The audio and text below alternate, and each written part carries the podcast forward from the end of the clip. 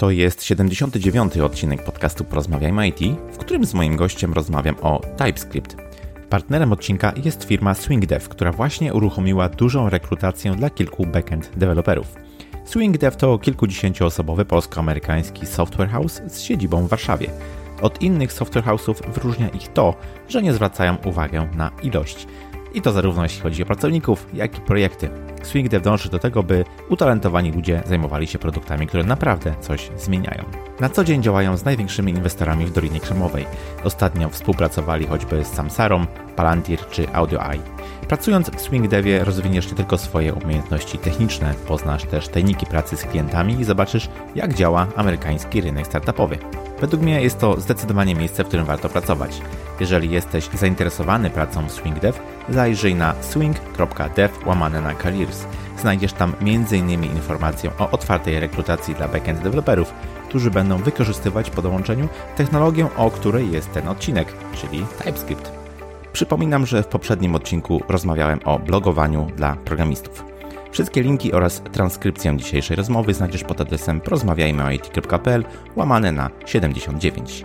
Jeśli jeszcze tego nie zrobiłeś, to wystaw ocenę lub recenzję podcastowi w aplikacji, w której tego słuchasz. Chcę poszerzać horyzonty ludzi z branży IT i wierzę, że poprzez wywiady takie jak ten, publikowane jako podcasty, będę to robił z sukcesem. Już dzisiaj możesz mnie wesprzeć w tej misji, zostając patronem na platformie Patronite. Wejdź na porozmawiajmyit.pl, łamane na wspieram i sprawdź szczegóły. Jednocześnie bardzo dziękuję moim obecnym patronom. Zostań ze mną do końca. Mój dzisiejszy gość przygotował kod zniżkowy na książkę o TypeScript. Ja się nazywam Krzysztof Kępiński i życzę Ci miłego słuchania. Odpalamy. Cześć, mój dzisiejszy gość to programista, startuper, bloger, aktywista, a także prelegent i nauczyciel. Twórca bloga Type Web. Na co dzień buduje aplikacje internetowe na stanowisku Full Stack JavaScript. Współpracuje przede wszystkim z firmami z Stanów Zjednoczonych za pośrednictwem Xteam. Autor książki TypeScript na poważnie. Moim waszym gościem jest Michał Miszczyszyn. Cześć Michał, bardzo miło mi gościć Ciebie w podcaście. Cześć, cześć. Dziękuję bardzo za zaproszenie. Jest mi niezwykle miło i przyjemnie.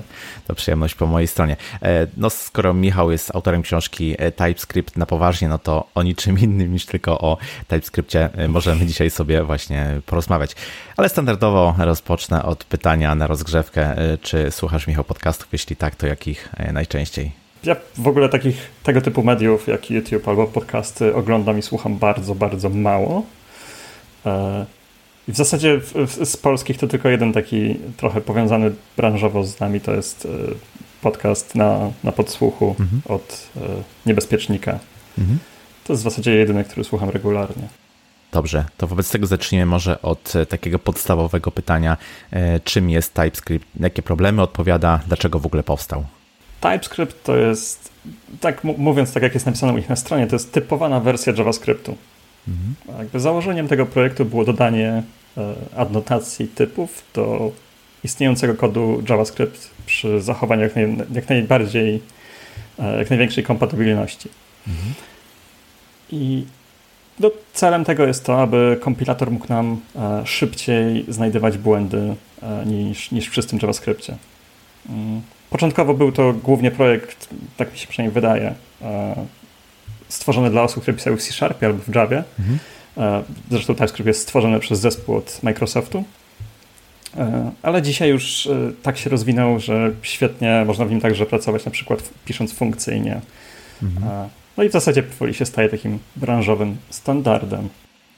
No właśnie, chciałem się zapytać o tą e, adopcję. Ja co prawda znacznie mocniej siedzę po stronie backendu, no ale też te różne rzeczy, te różne e, jakieś tendencje, które się dzieją po stronie, e, powiedziałbym, frontendu do mnie docierają. No i od TypeScriptie słyszę coraz częściej i coraz więcej, dlatego chciałem Cię zapytać, jak obecnie wygląda adopcja TypeScriptu, czy programiści JavaScript no, z chęcią powiedzmy korzystają w ogóle właśnie z tych feature'ów pod tytułem typy i czy w najbliższej przyszłości na rozmowie rekrutacyjnej znajomość TypeScripta będzie już wymagana według Ciebie?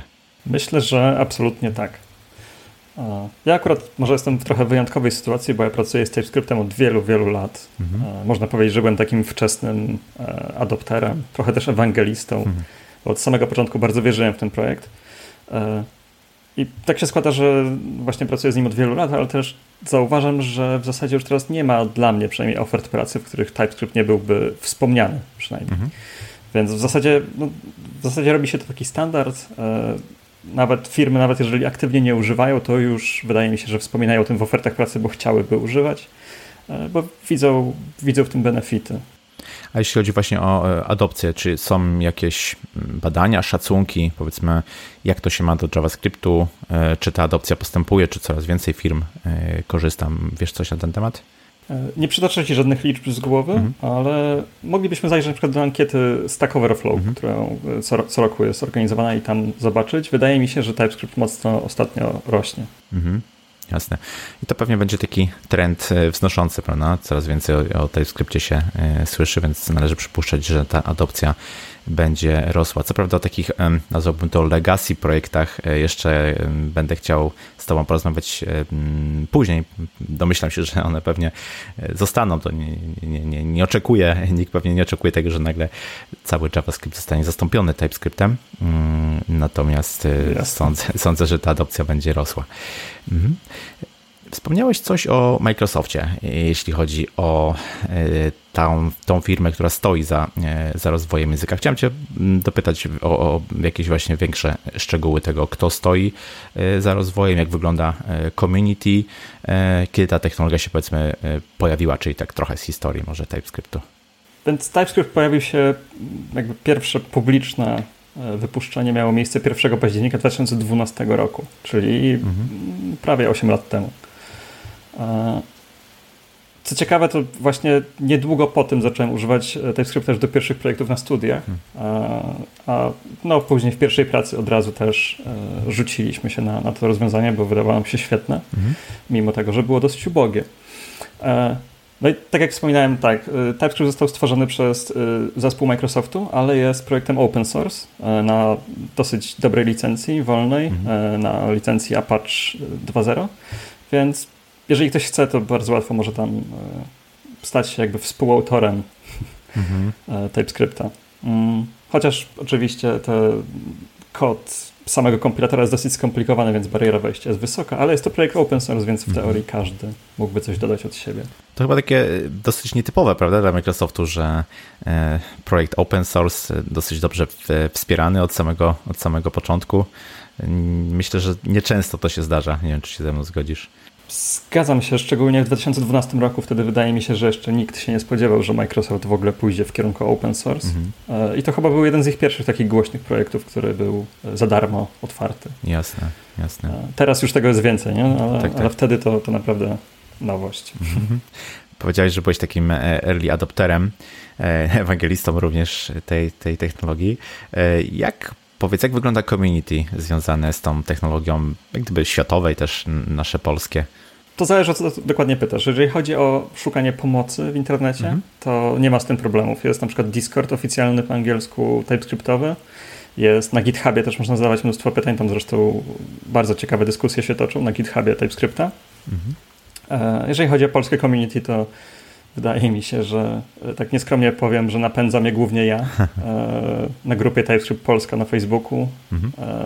i na, na właśnie na Discordzie moim. E, ale zauważyłem też, że coraz więcej w tej, w tej naszym, naszej społeczności pojawia się publikacji na temat TypeScripta. Ostatnio czytałem blog e, kolegi, który opublikował kilka już artykułów kurs TypeScripta mhm. E, i widziałem też na YouTubie, że kilku popularnych, nazwijmy to vlogerów, wypuściło teraz szkolenie z TypeScripta. Więc wydaje mi się, że to jest świetny moment, żeby się tym tematem bardziej zainteresować. No tak. Nawet jeżeli do tej pory stało się z boku. Okej. Okay. Dobrze, to chciałbym teraz przejść do bardziej e, technicznych aspektów. Mm, TypeScript jest językiem typowanym statycznie, co oznacza, że typy są, mm, powiedziałbym, nakładane na zmienne w czasie kompilacji. Mm, istnieje jeszcze obok, powiedzmy, czy oprócz e, takiego typowania statycznego, coś takiego, co się nazywa silnym typowaniem. E, mógłbyś mhm. powiedzieć, e, powiedzmy, czym te dwa sposoby się mm, różnią i jak to w praktyce też wygląda właśnie po stronie TypeScriptu, czyli nadawanie i później pilnowanie, powiedziałbym, typów. A więc TypeScript jest z założenia językiem statycznie i silnie typowany. Mhm. Bo te te, te, te, dwie cechy można dowolnie kombinować. To znaczy, są języki, które są statycznie i lekko typowane, są e, silne, dynamiczne języki, więc to jest jakby całkowicie, można powiedzieć, ortogonalne e, pojęcie. E, z przykładów takich języków, na przykład statyczny silny będzie OCaml, właśnie TypeScript, e, statyczny słaby będzie C i C++. I teraz co to oznacza? Statyczny to jest, tak jak wspomniałeś, typy nadajemy w zasadzie w trakcie kompilacji, ale w praktyce nadajemy je w czasie pisania kodu mhm. przy pomocy adnotacji albo, albo korzystamy z, z tego, co kompilator potrafi się sam domyślić. E, natomiast typowanie silne i słabe. Mm, słabe polega na tym, że e, w trakcie działania aplikacji w jakimś miejscu e, na przykład zmienna o typie, typ, który jest liczbą, może być potraktowana jak ciąg znaków w mhm. jakichś szczególnych warunkach.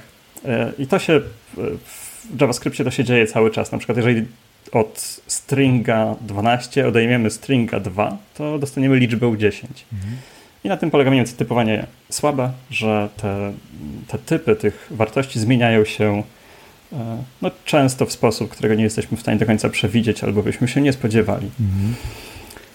E, no i jeżeli chodzi o typowanie silne, no to TypeScript stara się robić co, co może, żeby takim sytuacjom zapobiec, czyli wykrywa w kodzie, mm, kompilator już wykrywa w kodzie sytuacje, w których próbujemy na przykład dodać do siebie e, liczbę i stringa mhm. i informuje nas o tym, że nie powinniśmy tak robić, jeżeli chcemy rzeczywiście sumować te dwie liczby, to żeby tego stringa zrzutować na liczbę e, bardzo jasno i, i wyraźnie. Jasne. Mm, a jak powiedziałbym w praktyce wygląda to pilnowanie e, typów w TypeScriptie? Jak rozumiem, to jest mm, etap który pojawia się tylko i wyłącznie na, etap, na, etap, na etapie w procesie kompilacji, tak? Czy, czy są jeszcze jakieś możliwości, żeby w runtime e, to sprawdzać? E, to jest świetne pytanie i ono cały czas powraca. Wiele osób mnie o to pyta i, i często też, kiedy mówię, że TypeScript, jakby założeniem projektowym TypeScripta nie jest sprawdzanie typów w czasie działania aplikacji. Mhm. I wtedy bardzo często słyszę odpowiedź, że w takim razie ten projekt w ogóle nie ma sensu. E, no ale wydaje mi się, że takie sobie założenie postawili twórcy i się jego trzymają i to też jest całkiem spoko, bo istnieją biblioteki i inne rozwiązania, które możemy połączyć razem z TypeScriptem, żeby sobie zapewnić bezpieczeństwo zarówno w czasie działania aplikacji, jak i w czasie kompilacji. Mhm. E, napisałem o tym cały rozdział w książce, e, przedstawiając właśnie dwie takie biblioteki, e, ZOD oraz IOTS. Ogólnie sprowadza się do tego, że piszemy sobie walidatory, ale te, czy, czy deserializatory, w zależności z jakiego środowiska ktoś pochodzi, to te, te pojęcia mhm. mogą być mu znane. Mhm. E, I cała magia polega na tym, że te biblioteki są tak skonstruowane, że tak dobrze są, e, integrują się z TypeScriptem, że na podstawie samego walidatora kompilator też potrafi wnioskować typ. Mhm. Więc sprawdza zarówno w czasie kompilacji, a potem ta biblioteka w czasie działania programu. E, jest to niestety rzadko jeszcze używane w świadku JavaScriptowym, ale na przykład w każdym innym E, języku programowania, szczególnie backendowym, wydaje mi się, że to jest standard, że się serializuje i deserializuje dane, mhm. A nie tylko ufa, że one są poprawne. Miejmy nadzieję, że u nas też to się niedługo e, zmieni. OK, no tutaj kluczowym pojęciem jest e, sprawdzanie kompatybilności typów i chciałbym Cię właśnie o ten aspekt w TypeScriptie zapytać. Na pierwszy rzut oka wydaje się to oczywiste, ale jakby spojrzeć tam trochę pod maskę, to takie oczywiste nie jest. Mógłbyś powiedzieć, jak wygląda właśnie mm, definiowanie kompatybilności typów, czy też określanie kompatybilności typów w TypeScriptie? Tak, to jest bardzo skomplikowany temat, wbrew pozorom. Przede wszystkim takie oczywiste rzeczy jak próba przypisania liczby do stringa, no to mhm. wiadomo, że jest ze sobą niekompatybilne, TypeScript od razu to wykrywa.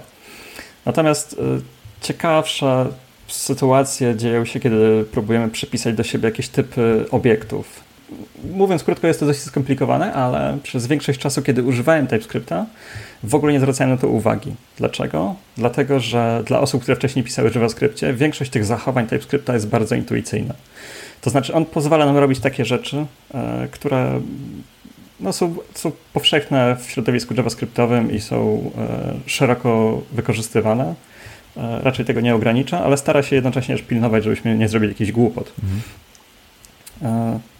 Tutaj moglibyśmy jeszcze długo mówić o, o dziedziczeniu, o podtypach, e, jak one są ze sobą kompatybilne, e, o tym, dlaczego niektóre typy są kowariantne, a inne są kontrawariantne. E, mhm. Ale nie, wiesz co, nie sądzę, żeby to był dobry temat na rozmowę taką na podcaście, bo to dużo łatwiej jest Jasne. pokazać mając kod przed oczami.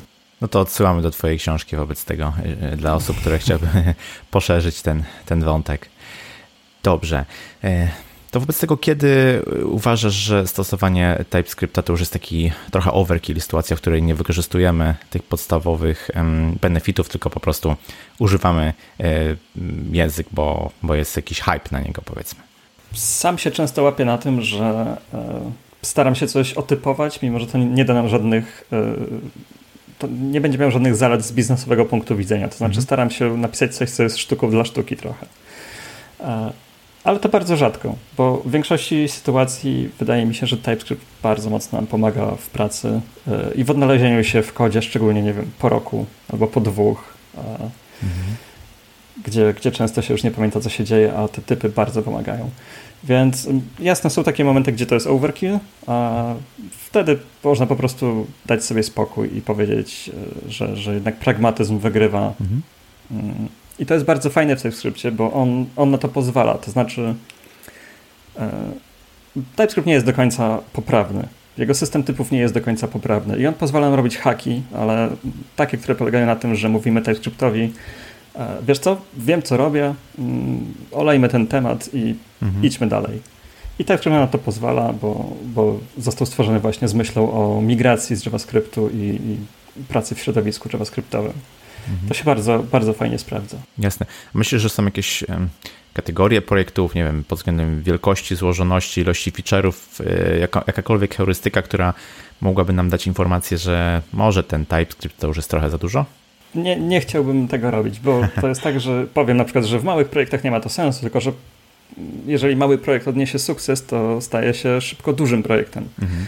I co wtedy? Wtedy mamy masę długu technologicznego. Mhm. E, Wydaje mi się, że w każdym projekcie większym niż coś, co piszemy do szuflady, używanie TypeScripta może mieć sens. Okej, okay. no bardzo dyplomatycznie wybrnąłeś. w porządku. E, jak sobie czytałem o TypeScriptie, zauważyłem, że mm, pozwala on na tworzenie takich dodatkowych plików z rozszerzeniem d.ts, tak, jeśli dobrze pamiętam. I mm, mhm. Chciałbym Cię zapytać, czym one są, e, dlaczego musimy tworzyć dodatkowe e, pliki i w jaki sposób się z nich skorzysta. Więc te pliki mają dwa zastosowania. Pierwsze z nich to jest e, dodawanie typów do istniejącego kodu e, napisanego w JavaScriptie. Mhm. Na przykład mamy sobie bibliotekę, nie wiem, Lodash, e, ona jest napisana w JavaScriptie, ale twórcy czy, czy społeczność chciały dodać do niej typy. Więc zamiast refaktoryzować, przepisywać całą bibliotekę na TypeScripta, to stworzyli taki plik DTS mhm. w uproszczeniu powiedzmy o tej samej nazwie co, co plik Lodasha w tym samym folderze i e, tam dodali same typy, czyli deklaracje wszystkich funkcji i, i zmiennych, które Lodash eksportuje. W ten sposób kompilator e, TypeScripta, a także edytory, takie jak VS Code albo WebStorm, potrafią e, odczytać ten plik i traktować ten kod, przepraszam, ten kod JavaScriptowy tak, jakby on był napisany w mhm. TypeScriptie, jakby miał typy.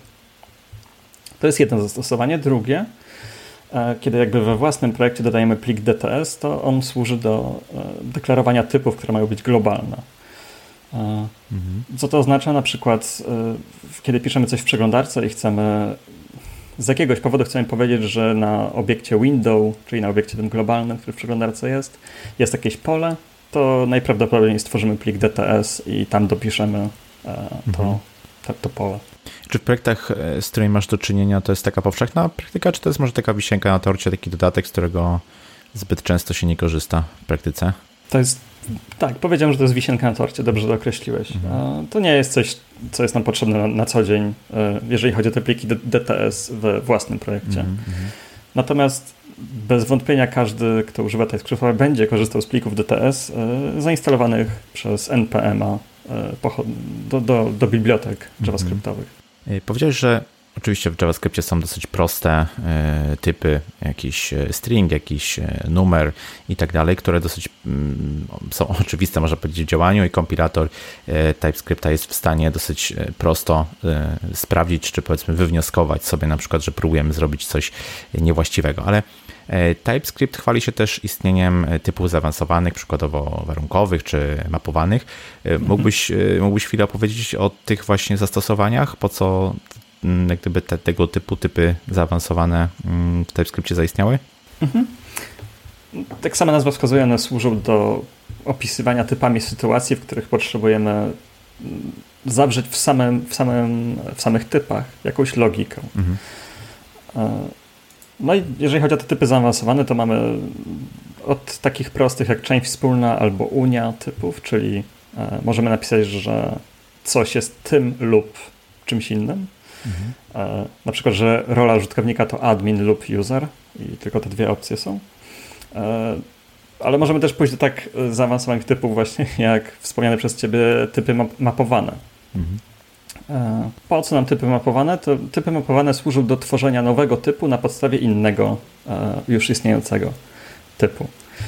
E, mhm. Przykładowo, mm, możemy sobie przykładowo, możemy sobie stworzyć typ.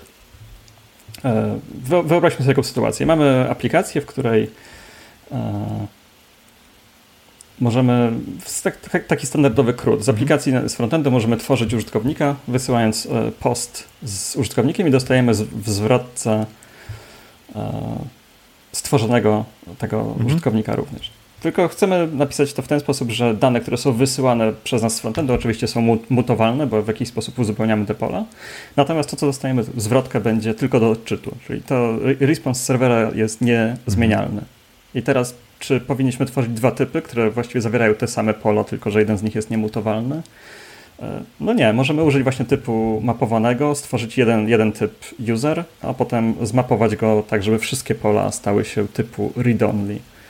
Mhm. E, no i to taki pierwszy przykład z brzegu. Mm, jeżeli chodzi o te typy mapowane, to jest ich całe mnóstwo. Bardzo dużo jest też e, typów mapowanych już wbudowanych, takich pomocniczych, wbudowanych w bibliotekę standardową TypeScripta. Mhm przy pomocy typów mapowanych, a także w połączeniu z typami warunkowymi e, możemy na przykład też usuwać pola z obiektów, znaczy z typów obiektów. Możemy dodawać te pola do, do już istniejących obiektów. Mhm. E, możemy na przykład, jeżeli mamy obiekt, w którym część pól jest opcjonalna, a część jest wymagana, przy pomocy typów e, warunkowych i mapowanych możemy stworzyć sobie nowy typ, w którym będą wyłącznie pola opcjonalne albo wyłącznie pola wymagane. Mhm. No i to, taki, to jest taka, znowu, to jest taka wisienka na torcie, bardzo często jest wykorzystywana przez e, twórców typów do skomplikowanych bibliotek, typu znowu Lodash na przykład, albo Randa. Mhm. E, we własnym kodzie trochę rzadziej. Jasne, rozumiem. OK, powiedziałeś, że gdyby ten w TypeScriptie istotne jest to przejście, ta migracja e, z JavaScriptu. No i wiadomo, jeśli zaczynamy sobie nowy projekt, no to dosyć łatwo jest powiedzmy podjąć decyzję, że korzystamy z TypeScriptu, prawda? Wybieramy, wybieramy tą, tą drogę, mamy zupełnie greenfield. Mm, ale co w przypadku, kiedy mamy już powiedzmy całkiem niemały projekt e, w JavaScriptie, chcielibyśmy skorzystać z tych e, dobrodziejstw TypeScriptu. Jak taka migracja mogłaby wyglądać? Musimy usiąść na pół roku, przepisać wszystko, czy są może jakieś e, mechanizmy, które pozwolą to zrobić w etapach? Są, są takie mechanizmy, tak? Ja wiem, że to często odstrasza ludzi, bo myślą właśnie, że, że trzeba będzie usiąść, wszystko przepisać, że to jest wszystko albo nic. Mhm. Nic bardziej mylnego. Jakby TypeScript rozwinął się do tego stopnia i też jednym z jego e, założeń projektowych było to, żeby łatwo umożliwiać ludziom migrację. No i co to oznacza? Jakby mamy bardzo dużo różnych możliwości, możemy na różne sposoby sobie migrować, możemy używać kompilatora na istniejącym już e, kodzie napisanym w JavaScriptie bez żadnych zmian. Możemy migrować tylko część plików, możemy dodawać typy do plików JavaScriptowych przy pomocy komentarzy w kodzie. Mhm. E, więc absolutnie nie musimy siadać i migrować wszystkiego, możemy przy okazji zmieniać plik po pliku sobie pomalutku i korzystać z, dobro, z dobrodziejstw TypeScripta tam, gdzie, gdzie już to zrobiliśmy. Mhm. I co, co też ciekawe, TypeScript potrafi całkiem dobrze wnioskować typy na podstawie kodu, który już jest napisany w JS-ie. Mm, I nawet jeżeli go włączymy w takim projekcie, gdzie nie ma żadnych plików TypeScriptowych, tylko są same pliki JavaScriptowe, to on mimo to już będzie nam trochę podpowiadał i pomagał. Mhm. Rozumiem. To faktycznie jest spore, spore ułatwienie. Okay, istotny, e, kolejny taki istotny e, aspekt, jeżeli chodzi o software development, to testowanie. Chciałem Cię zapytać, czy mm, użycie typów, tak jak w TypeScript, w jakiś sposób ułatwia albo może zmienia sposób, w jaki testujemy aplikacje i czy typy same w sobie też w jakiś sposób się testuje? To też jest pytanie, które często mi ludzie zadają, bo wychodzą z takiego założenia, że no, skoro są typy, no to po co testy? Mhm. E, moim zdaniem to jest błąd. Wiadomo, część testów ale bardzo mała część. Przestaje mieć sens, jak używa się języka statycznie typowanego. E, na przykład, jeżeli nasza funkcja przyjmuje stringa, to już nie musimy testować, co się stanie, jak podamy liczbę, bo przed tym, przynajmniej w teorii, powinien nas ochronić kompilator. Mhm. Więc takich, takich testów już nie potrzebujemy, ale wszystkie pozostałe, przede wszystkim testy e, logiki biznesowej, to one pozostają niezmienne, jakby tutaj nas typy w żaden sposób nie zabezpieczają, e, ani nie, nie, nie wyręczają. I teraz pytanie, czy typy się również testuje? Tak, ale to jest dosyć rzadko stosowane, tylko właściwie, że jesteś twórcą jakiejś biblioteki mhm. albo twórcą jakichś bardzo zaawansowanych rozwiązań TypeScriptowych, to wtedy możesz również pisać testy do samych typów, to prawda. Jasne, jasne. Rozumiem. A czy są jakieś takie mm, bardzo powszechne problemy, pułapki, e, no nie wiem, może jakieś braki e, w TypeScriptie, które mógłbyś e, wymienić?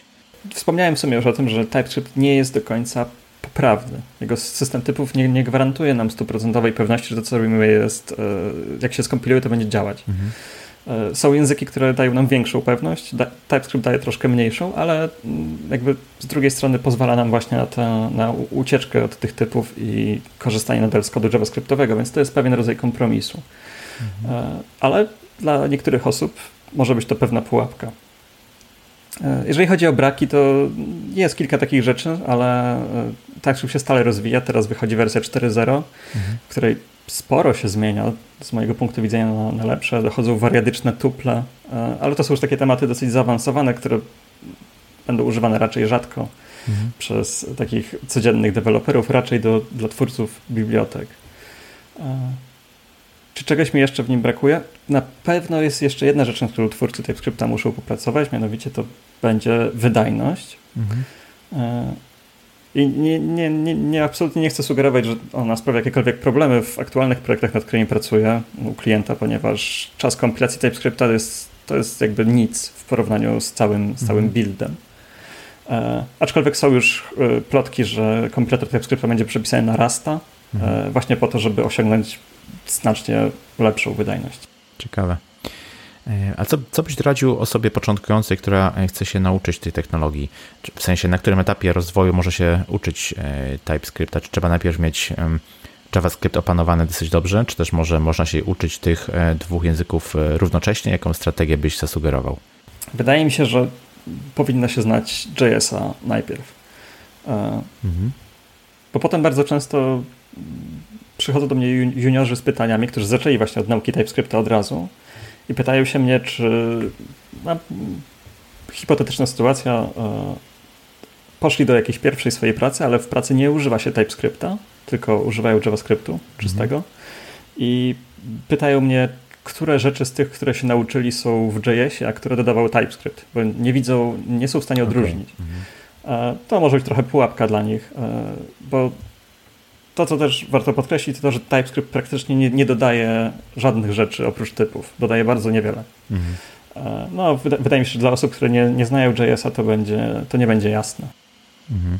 Jasne. Czyli najpierw jakieś tam, powiedzmy, względne opanowanie JavaScriptu, później ewentualnie TypeScript. Tak bym, tak bym sugerował. Jasne. Dobrze. E, a jak wygląda wsparcie narzędziowe, jeśli chodzi o TypeScript? Wspomniałeś coś o VS Code.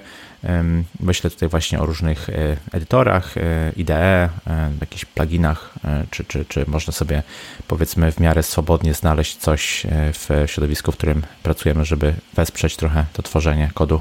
Jasne. Jeżeli chodzi o VS Code, to tam wsparcie dla TypeScripta jest absolutnie rewelacyjne. Oni Zresztą chyba VS Code jest cały napisany w TypeScriptie i oni chyba też od razu mają załączone w tym edytorze wszystkie narzędzia potrzebne, żeby wpisać w TS-ie. I działa to naprawdę świetnie. W WebStormie y, podobnie działa to bardzo dobrze. Wsparcie jest, jest rewelacyjne. Mm, innych edytorów nie używam w zasadzie, więc mhm. ciężko mi powiedzieć, ale z tych najpopularniejszych to nie, nie, będzie żadnego problemu. Właściwie nawet nic nie trzeba doinstalowywać. E, wszystko powinno działać od razu. Mhm, mhm. Czy coś dodatkowego, jakieś dodatkowe narzędzia obok powiedzmy wsparcia pluginu do, do naszego edytora jest nam potrzebne albo może wspierać e, pisanie kodu, czy też to jest jak gdyby komplet? Nie, to w zasadzie będzie komplet, bo mhm. są jeszcze narzędzia, ale to takie trochę niszowe, to jeżeli chcemy konwertować kod napisany w JavaScriptie do TypeScripta mhm. E, i spróbować zrobić to automatycznie, spróbować, żeby komputer za nas wywnioskował niektóre typy, ułatwił nam pracę, to niedawno Airbnb, wczoraj się o tym dowiedziałem, Airbnb wypuściło takie narzędzie, e, ale to jest, tak jak wspomniałem, jest to bardzo niszowe i mhm. zasadniczo ten edytor to jest jedyne, co jest nam potrzebne mhm. i nic więcej nie trzeba. Jasne, to też mimo wszystko jakoś tam obniża próg wejścia na pewno. Mm, okay. pewno. Pewnie. Powiedziałem w przedstawieniu, że jesteś autorem książki. Chciałem Cię zapytać, e, dlaczego zdecydowałeś się na napisanie książki o TypeScriptie? Dla kogo mm, ona też jest adresowana? Czego można się z niej dowiedzieć? Historia z książką zaczęła się w taki sposób, że bardzo często przychodzili do mnie ludzie albo pisali do mnie ludzie, którzy zadawali mi różne pytania na temat TypeScriptu. Mhm. E, I w pewnym momencie zauważyłem, że jest pewien pattern. E, mhm. Niektóre pytania się powtarzają i zacząłem pisać e-booka na ten temat, żeby odpowiedzieć na te pytania, które nurtowały największą, największe grono ludzi. Mhm. E, początkowo to miał być w ogóle darmowy e-book na moim blogu, tam nie wiem, po zapisaniu się do jakiegoś newslettera ludzie mieli go dostawać za friko. E, no ale jak, jak usiadłem do tego tak na poważnie, zacząłem rzeczywiście opisywać te wszystkie koncepty, na przykład kompatybilność typów albo te typy warunkowe, o które też często ludzie pytają. Nagle się okazało, że wyszło ponad 300 stron książki mhm. i pomyślałem, że może jednak fajnie by było to wydać tak profesjonalnie, wydrukować też i i tak właściwie się zrodził pomysł y, komercjalizacji tego projektu. Mhm. Czy ta książka jest adresowana do osób y, początkujących? Tak. To znaczy, ona jest adresowana do w zasadzie do wszystkich osób. To znaczy, idąc kolejnymi rozdziałami książki, poznamy no, po prostu poznamy wszystko, co jest nam potrzebne, żeby mhm. pracować z TypeScriptem. To znaczy, osoby, które są już trochę bardziej zaawansowane, mogą pewnie pominąć pierwszy albo drugi rozdział, ale za chwilę są rozdziały właśnie o typach zaawansowanych, e, typach warunkowych i te rozdziały będą na pewno dobre również dla seniorów. Okej, okay, teraz mam do Ciebie pytanie e, z kategorii pytanie do wróżki. E, w którym kierunku według Ciebie TypeScript będzie się rozwijał i czy myślisz, że na jakimś tam etapie rozwoju e, typy staną się po prostu częścią standardu ECMAScript i trafią do JavaScriptu, czy, czy, czy też raczej to się nie wydarzy? Bardzo bym chciał, żeby tak było, ale z drugiej strony to wcale może nie być korzystne dla społeczności, mhm. bo jednak proces standaryzacji i zmian w ECMAScriptie zajmuje, no, w porównaniu do rozwoju technologii, on zajmuje wieki. Nowa wersja ECMAScriptu co rok, to i tak już jest rewelacja, że, że co roku wydają nową, ale to i tak jest mega długo. Mhm. A, TypeScript się rozwija niezależnie, potrafi działać z tym, co już mamy i świetnie się integruje, więc w zasadzie po co go, po co go wkładać do specyfikacji ECMAScriptu, skoro tak jak teraz jest, jest dobrze. Mhm. A, a drugą, drugą kwestią jest to, że jednak mimo wszystko jest spore grono ludzi, którzy się opierają TypeScriptowi e, na pewno też nie chcieliby, żeby Microsoft jako jedna korporacja miał taką władzę nad specyfikacją ECMAScript. Mhm. Jasne. Wydaje mi się, że to są bardziej, już właściwie wchodzimy już w tematy polityczne. Okej, okay, to może nie idźmy tam faktycznie. Wydaje, wydaje mi się, że jest dobrze tak, jak jest. Dobrze, w porządku. Okej, okay, Michał, e, to ja Ci bardzo dziękuję wobec tego za rozmowę. Fajnie, że pokazałeś ten świat e, TypeScriptu z też swojego takiego praktycznego e, i pragmatycznego podejścia do wytwarzania oprogramowania. Mm, z mojej strony bardzo Ci dziękuję i powiedz proszę, gdzie Cię można znaleźć w internecie, jak się z Tobą skontaktować. Znajdziecie mnie na typeofweb.com, tam jest wszystko. Możecie do mnie pisać na Facebooku, możecie pisać maila, możecie skorzystać z formularza. No i oczywiście na stronie TypeScript na poważnie.pl są wszystkie informacje o mojej książce. Mhm. Możecie pobrać darmowy rozdział, e, można pobrać spis treści, zobaczyć, co jest dokładnie w środku. E, można też przejść do sklepu oczywiście i już kupić od wczoraj o, w przedsprzedaży. Świetnie. No oczywiście wszystkie linki znajdą się w notatce do, do odcinka. Wielkie dzięki Michał. Do usłyszenia. Cześć. Cześć. I to na tyle z tego, co przygotowałem dla Ciebie na dzisiaj. TypeScript bardzo mocno zyskuje na popularności i pewnie ten trend będzie się utrzymywał. Warto więc zaznajomić się z tym językiem, jeśli już poruszasz się w świecie JavaScriptu. Niedawno wystartowała sprzedaż książki Michała TypeScript na poważnie. Na stronie typescript na poważnie.pl z kodem porozmawiajmy o IT razem pisanym dostaniesz 10% rabatu na tę książkę. Z pewnością warto. Jeśli doceniasz to, co robię, wesprzyj mnie na Patronite. To taka platforma, na której możesz wspierać twórców internetowych w ich działalności. Mój profil znajdziesz pod adresem porozmawiajmyit.pl łamane na wspieram. Link również w notatce do tego odcinka. Jeśli masz jakieś pytania, pisz śmiało na krzysztofmałpa porozmawiajmy.pl Jeśli spodobał Ci się ten odcinek i chcesz przegapić kolejnych epizodów podcastu, zasubskrybuj go w swojej aplikacji podcastowej. Jeśli nie wiesz jak to zrobić, wejdź na porozmawiajmy.pl łamane na subskrybuj. Ja się nazywam Krzysztof Kępiński, a to był odcinek podcastu Porozmawiajmy IT o TypeScript. Zapraszam do kolejnego odcinka już za dwa tygodnie. Cześć!